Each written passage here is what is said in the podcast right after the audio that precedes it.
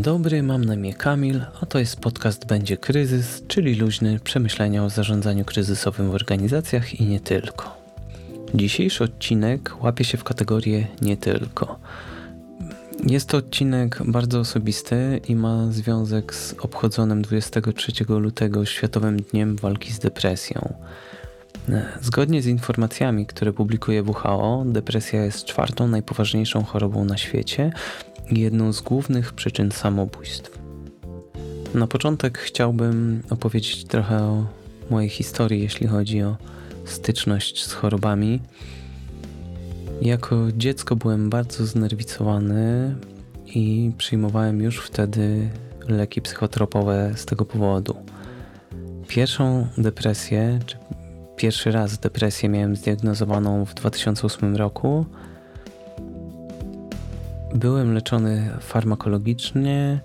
Leczenie zostało, jak się ostatnio dowiedziałem, przedwcześnie przerwane, ponieważ leki psychotropowe wtedy przyjmowałem przez około miesiąc, gdzie tak naprawdę najkrótszy zalecany czas terapii to jest pół roku. No i wtedy obyło się bez psychoterapii, nie szukałem pomocy psychoterapeuty. Na jakiś czas depresja się wyciszyła.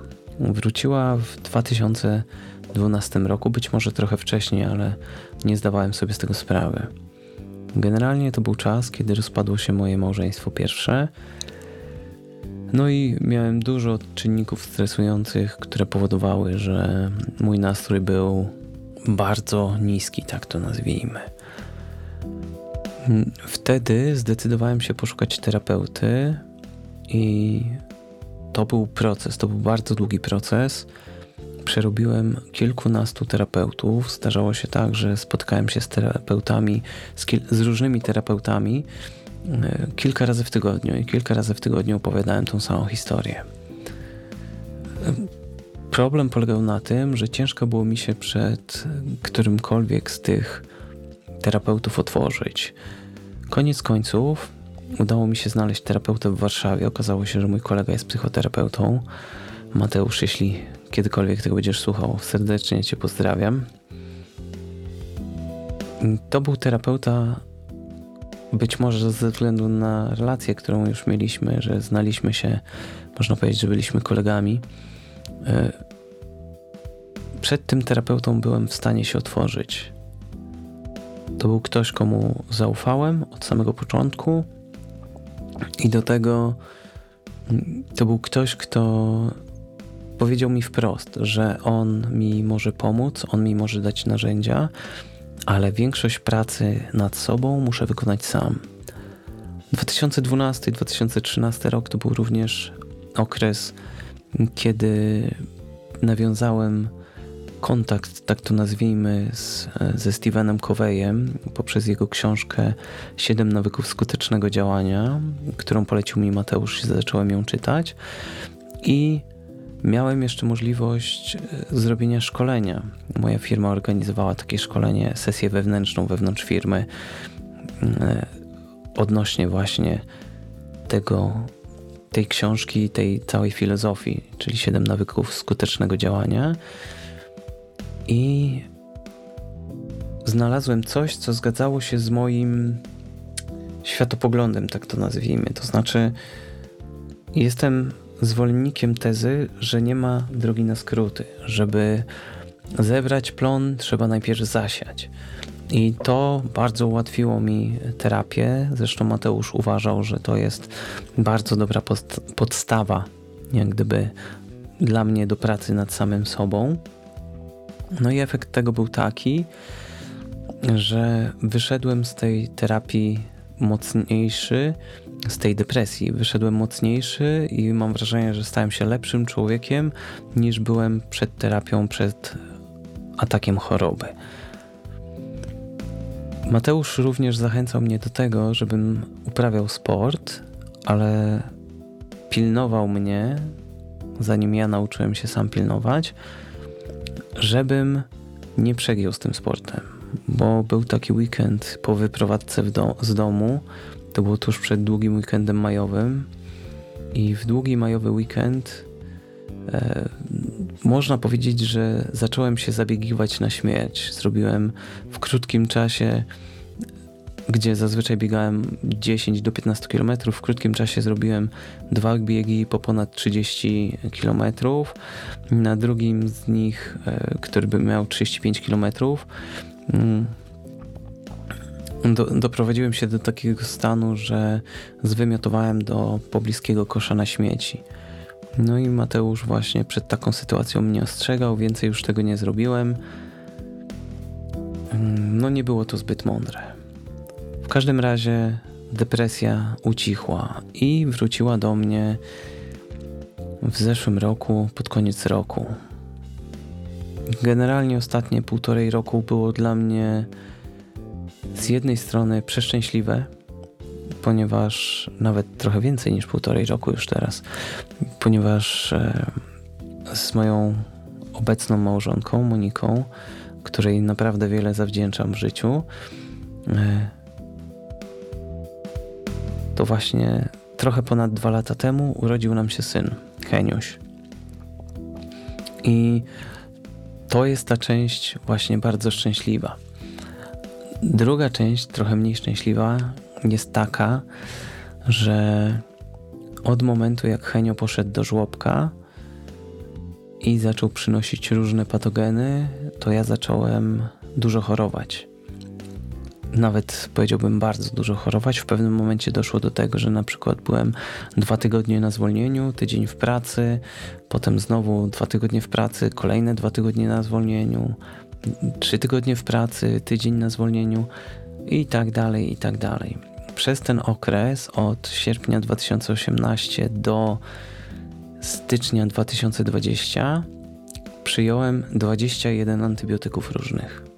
W międzyczasie próbowałem szukać przyczyn tego, że tak choruję. Korzystałem z e, konsultacji immunologicznych, robiłem całą masę badań aż w końcu trafiłem do pani doktor Karpińskiej. Znaczy, może jeszcze po drodze Monika, której wsparcie naprawdę jest dla mnie nieocenione, powiedziała, że powinienem pójść mm, skonsultować się może z psychologiem, albo z psychiatrą, albo z jednym i drugim.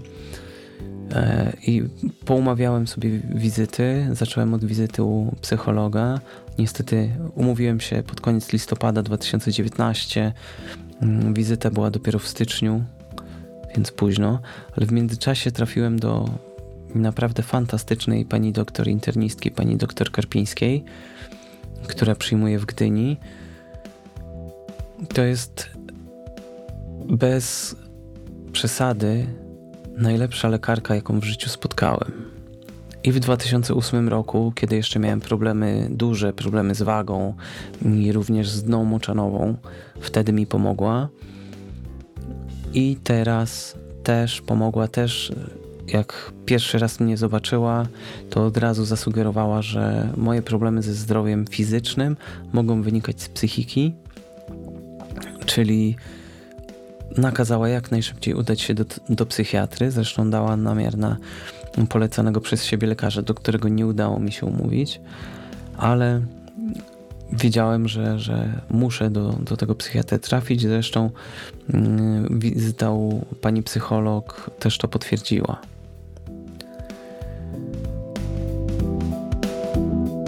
Wizyta u pani psychiatry, pani doktor psychiatry skończyła się przepisaniem leków psychotropowych i to w takich sporych dawkach, ponieważ mm, pani psychiatra powiedziała, że mój stan jest bardzo ciężki, jeśli chodzi o tą depresję. Mm, ciężko mi się do pewnych rzeczy przyznawać. E, trzęsą mi się w tej chwili ręce. Tak jak wspomniałem, to temat bardzo osobisty. Tak czy owak znalazłem jeszcze e, panią psycho, psycholog, psychoterapeutkę, z którą również pracuję. E, ale tak naprawdę najważniejsze dla mnie jest e, wsparcie Moniki, wsparcie rodziny, Henia mm, i też wsparcie, które otrzymałem w, w pracy, którego się nie spodziewałem generalnie zostałem poinformowany, że rozumieją moją sytuację, rozumieją tą chorobę i że mam się nie stresować, mam się wyleczyć i wrócić silniejszy do pracy. Że to było coś, czego naprawdę, naprawdę się nie spodziewałem i za co jestem bardzo wdzięczny i mojemu szefowi, i koleżance z HR-u. To jest naprawdę duże wsparcie. Może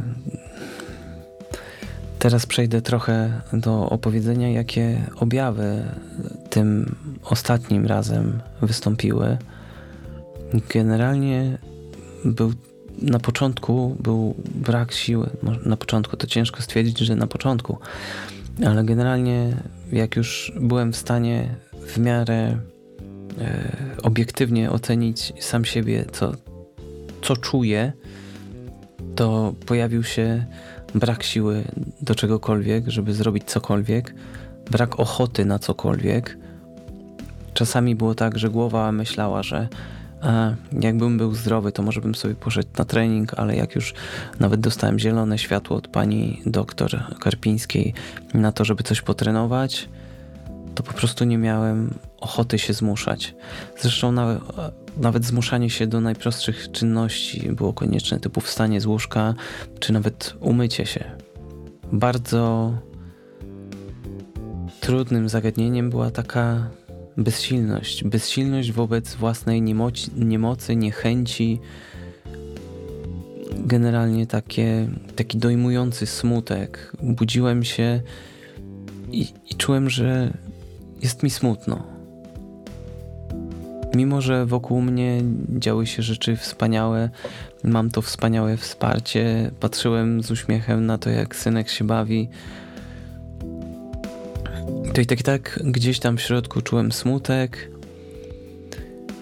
Co jeszcze chciałem podkreślić, to że za pierwszym i drugim rzutem depresji e, pojawiały się u mnie myśli samobójcze. Na szczęście nic z tym nie zrobiłem. Teraz za, za trzecim razem te myśli samobójcze się nie pojawiły, na szczęście, ale za to pojawiły się pojawiła się bezsenność, pojawiły się stany lękowe, a wręcz e, przechodzące w ataki paniki. Oprócz tego pojawiły się zaburzenia odżywiania. Czasami po prostu nie chciało mi się jeść, potrafiłem 2-3 dni po prostu nie jeść, a potem miałem rzuty, że jadłem wszystko, co weszło mi pod rękę, byleby nie było zdrowe. Określam czy interpretuję to tak, jakbym w jakiś sposób chciał się ukarać za w sumie nie wiem co.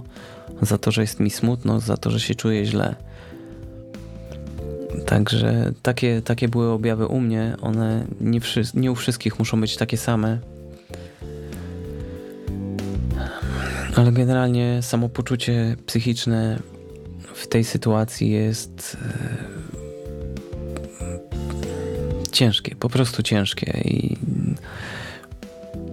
no tak jak powiedziałem, nie miałem myśli samobójczych, ale były takie myśli, że nie chce mi się nic. Najchętniej to bym leżał i, i leżał. I tylko leżał, żeby nie musieć nic robić, wstawać, iść do toalety, nic.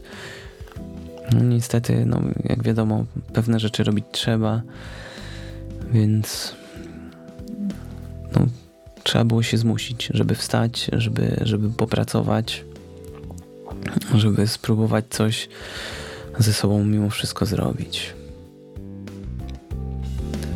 I jako, że to jest podcast o zarządzaniu kryzysowym, to może powiem co nieco o aspektach właśnie tych kryzysowych. No, depresja jako choroba jest kryzysem bardzo osobistym bo siedzi w nas, teoretycznie siedzi w głowie, ale ma wpływ na cały organizm. Od momentu jak przeszedłem, e, znaczy przeszedłem, jak zacząłem farmakoterapię i zacząłem psychoterapię, to owszem, miałem taki moment, że coś mnie drapało w gardle, czy trochę bolało mnie ucho, ale de facto nie zachorowałem już ani razu to jest już ponad miesiąc, jak nie choruję, więc to jest bardzo długo.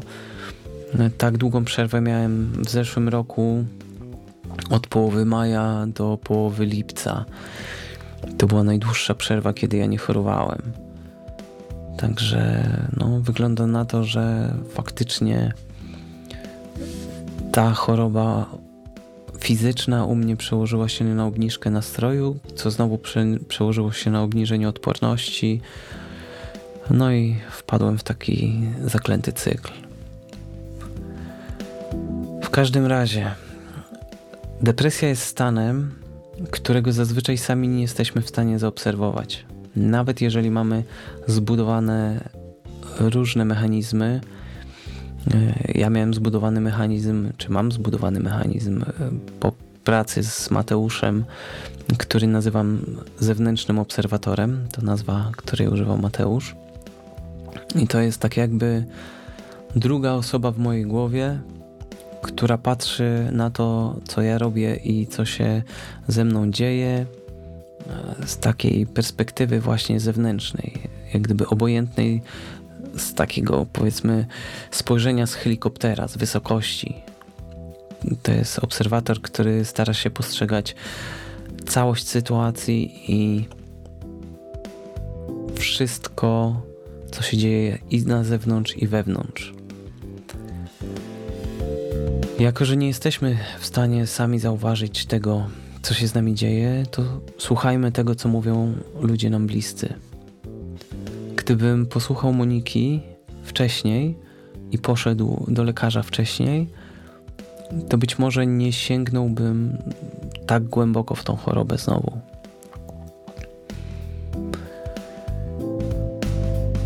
I pomimo tego, że ten kryzys jest osobisty, to on dotyka tak naprawdę wszystkich dookoła nas.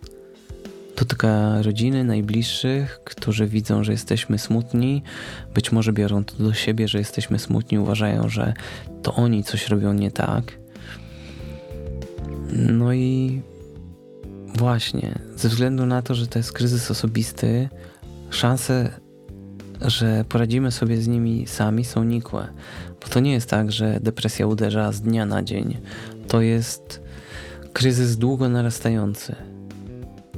Najpierw jest krótka obniżka formy psychicznej, potem dłuższa, potem znowu dłuższa, no albo tak nam się wydaje, że jest ten sam poziom obniżki, ale startujemy z niższego pułapu, tak? bo po prostu czujemy się gorzej. W związku z tym, że to jest taka zmiana progresywna, a nie skokowa, no możemy, możemy nie zidentyfikować tego kryzysu. I wtedy trzeba szukać pomocy na zewnątrz. Czyli właśnie rodzina, posłuchać się tej rodziny, posłuchać się przyjaciół, skonsultować się z psychologiem czy z psychiatrą. No, w naszym społeczeństwie jest tak, że choroby psychiczne są bardzo stygmatyzowane. Ludziom, którzy korzystają z pomocy psychologa czy psychiatry, bardzo często przypisywana, przyczepiana jest taka łatka wariata, że a ten to, to musi mieć coś z głową. Co więcej, to też tak trochę z doświadczeń osobistych. W sieci istnieje bardzo dużo osób, które bagatelizują depresję, promują rozwiązania podobne do homeopatii, tak? czyli rozwadnianie mm, leku e, na poziom wręcz atomowy i, i rozwadnianie tak, że, że szansa, że ten lek w ogóle w tym preparacie homeopatycznym jest, jest niewielka. Niektóre sugestie są w ogóle absurdalne. Po prostu się uśmiechnij, po prostu nie bądź smutny. No nie miej depresji, no przecież możesz to zrobić pójdź się poruszać. Albo hit ostatnich kilku dni, przytul się do drzewa. Odstaw leki. No, szczególnie to, ta, ta rada, odstaw leki, to jest szczególnie groźne. Niedoleczona depresja wróci szybciej i mocniej. Tak jak było w moim przypadku w roku 2008. Brałem leki przez miesiąc, poczułem się trochę lepiej, leki powodowały dużą senność, więc je odstawiłem i już 4 lata później przyszła depresja, która była dużo, dużo mocniejsza i dużo, dużo dłużej leczona. No i tych sugestii, takich i memów na temat depresji jest cała masa, które właśnie trywializują to zjawisko. A trzeba pamiętać, że depresja nie jest oznaką słabości czy złej woli, tylko to jest choroba. Choroba, która jest klasyfikowana e, tak jak inne choroby. I depresja na pewno nie jest powodem do wstydu. Czy wstydzilibyście się grypy albo przeziębienia? Czy wstydzilibyście się kataru? No pewnie nie, no bo to, to jest choroba, tak? Choroba nie wybiera. I w związku z tym, że to jest choroba, trzeba szukać pomocy lekarza, trzeba poszukać pomocy terapeuty. Jeśli chodzi o lekarza psychiatrę, to trzeba pamiętać o kilku rzeczach. Po pierwsze, korzystanie z pomocy psychiatry to nic złego. To jest lekarz. Lekarz, który chce nam pomóc. Czy pójście do internisty albo do laryngologa, jeśli boli nas, nas ucho, albo do dentysty, jeśli boli nasz ząb, nas ząb, to czy to jest też wstyd? No nie jest wstyd, dlatego pójście do lekarza nigdy nie powinno być związane ze wstydem. Trzeba też pamiętać, że leki psychotropowe to nic złego. One mają pomóc nam odzyskać balans w głowie. I to jest główny cel farmakoterapii przywrócenie balansu i ustabilizowanie naszego nastroju na odpowiednim poziomie. Oprócz lekarza psychiatry, warto też znaleźć psychoterapeutę i tak jak już wcześniej wspomniałem, wspominałem, trzeba szukać psychoterapeuty, którym jesteśmy w stanie zaufać. Czasami to będzie trwało. Czasami można właśnie, tak jak tu powiedziałem, przerobić kilkunastu terapeutów, zanim trafi się na fajnego. No ja w tym momencie mam szczęście, bo trafiłem na e, panią psycholog, która jest bardzo uśmiechnięta, taka bardzo pozytywna. Przyjmuje w gabinecie lepsza perspektywa w Rumi. E, myślę, że mogę polecić i wzbudziła moje zaufanie. Co, co jeszcze istotne, tłumaczy o czym mówimy, to o czym mówimy, co robimy, po co to robimy i pokazuje pewne mechanizmy działania naszej psychiki. Tak? Dzięki temu, że skorzystamy z pomocy psychoterapeuty, jesteśmy w stanie zazwyczaj zidentyfikować źródło tej depresji. Jesteśmy w stanie oswoić tą depresję trochę. Być może na tyle, żeby na przykład pójść po pomoc do lekarza psychiatry, jeżeli mieliśmy wcześniej z tym problem.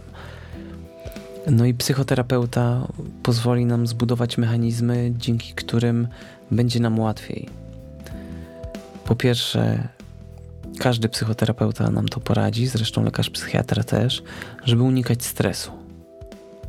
Czyli jeżeli wiem, że mam depresję, to nie mogę się stresować tym, że mam depresję, bo to tylko pogorszy mój stan. Nie warto się przejmować pierdołami. Trzeba czasami po prostu wyłączyć mózg, wyłączyć myślenie. To nie jest łatwe. W, w moim przypadku to jest szczególnie trudne, ponieważ ja mam dużą tendencję do przemyśliwania rzeczy aż do absurdu. Co jeszcze jest istotne? Psychi psychiatra i psycholog będą próbowali nas ak aktywizować, żebyśmy coś robili, żebyśmy próbowali zrobić coś z tą niemocą, którą czujemy, z tą bezsilnością, żeby ona nie była taka przejmująca, żeby nie była dominująca. No, ja w tej chwili e, nagrywam podcasty. To jest duża część mojej terapii i mimo, że nie zawsze mi się chce to robić, to tak czy owak. I jak tylko przyjdzie mi ochota, to mam większość sprzętu pod ręką, biorę mikrofon, odpalam aplikację i nagrywam. Zresztą tak jak trochę w tej chwili, mimo że ten odcinek przemyśliwałem już, no od, myślę, że od początku lutego. To, to dzisiaj przyszła taka myśl, żeby po prostu usiąść i nagrać.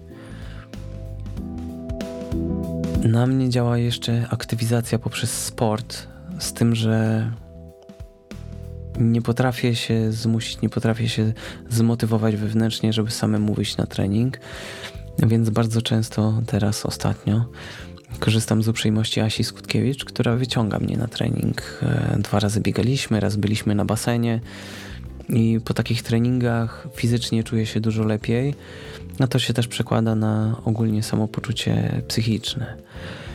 I trzeba robić inne rzeczy, które nas mogą, mogą cieszyć. W moim przypadku to jeszcze jest muzyka. E, lubię komponować, lubię miksować muzykę, lubię się tą muzyką bawić, lubię odkrywać muzykę i, i style muzyczne, których jeszcze nigdy w życiu nie dotykałem. No i taka najistotniejsza rzecz, która sprawia mi przyjemność, czyli zajęcia z, z Heniem i z Moniką, moją żoną. To jest nawet takie proste wyjście na, na salę zabaw z Heniem i z Moniką. To jest coś, co daje mi bardzo dużo siły do tego, żeby, żeby walczyć, żeby, żeby się nie poddawać, żeby przełamywać tą bezsilność. I jest jeszcze takie światełko nadziei, które, które mi świeci gdzieś tam daleko z przodu. Staram się być cały czas optymistą. I na to światełko nadziei składa się po pierwsze to, że z poprzedniego epizodu mm, z depresją wyszedłem silniejszy, wyszedłem mądrzejszy, wyszedłem spokojniejszy i zacząłem działać w dużej mierze zgodnie ze swoimi oczekiwaniami, co przekłada się na wewnętrzny spokój. Zmiany, które wprowadziłem do swojego życia wtedy, spowodowały, że poczułem się szczęśliwy sam ze sobą i zacząłem sam siebie lubić. Oczywiście nadal uważam, że mam sporo wad, ale wiedząc, jakie one, jakie one są, jakie interpretuję, jakie nazywam, wiem, że mogę sobie z nimi poradzić. I to światełko nadziei to jest właśnie nadzieja na to, czy liczę wręcz na to, że z obecnego kryzysu też wyjdę silniejszy. I wrócę do sportu, może wrócę do sportu na takim poziomie, jak było mm, przed rozpoczęciem chorowania, czego sobie życzę. Otrzymałem też właśnie bardzo dużo wsparcia od e, trenera Tomka Spaleniaka z Endure Team, który powiedział mi, że jeśli zdecyduję się wrócić, to zawsze czeka na mnie miejsce u niego, bo no ze względu na chorowanie we wrześniu zeszłego roku, e, na początku września zawiesiliśmy współpracę, żebym bezsensownie nie zajmował Tomkowi miejsca. Myślę, że w tym miejscu zakończę dzisiejszy odcinek. Od razu chcę zaprosić na odcinek kolejny, który będzie wywiadem z e, Magdą, która prowadzi podcast e, Moje Koniki i bloga mojekoniki.pl, mm, która jest bardzo mądrą osobą i chciałbym właśnie z nią porozmawiać. Jeszcze dodam tylko, że Moje Koniki i mojekoniki.pl mm, mają dużo do czynienia z psychologią, w związku z czym dlatego uważam, mm, że Magda jest osobą odpowiednią do tej rozmowy. I chciałbym właśnie porozmawiać, jak ona z perspektywy swojej mm, ocenia temat depresji e, i ogólnie porozmawiać właśnie, jak sobie z depresją radzić, gdzie szukać pomocy, czy może są jakieś najskuteczniejsze metody leczenia depresji, czy, czy może istnieje możliwość zbudowania skutecznych mechanizmów do zapobiegania albo zauważenia, kiedy depresja nadchodzi. Także już zapraszam na ten wywiad, który pojawi się pewnie jako odcinek następny, czyli 14, albo pojawi się jako odcinek 15, zależy jak, jakie będą możliwości czasowe. Także w tym odcinku mówiłem o kryzysie osobistym, o depresji, o mojej historii depresji i o tym, jak sobie z tą depresją radzić, że warto szukać pomocy, że jeżeli czujemy się źle psychicznie i nawet mam, mamy wrażenie, że to występuje u nas regularnie, się powtarza, że mamy dobry nastrój, potem mamy jakiegoś takiego głębszego doła, to warto skorzystać z pomocy. I z tą myślą was, was zostawiam. Dziękuję za uwagę i do usłyszenia.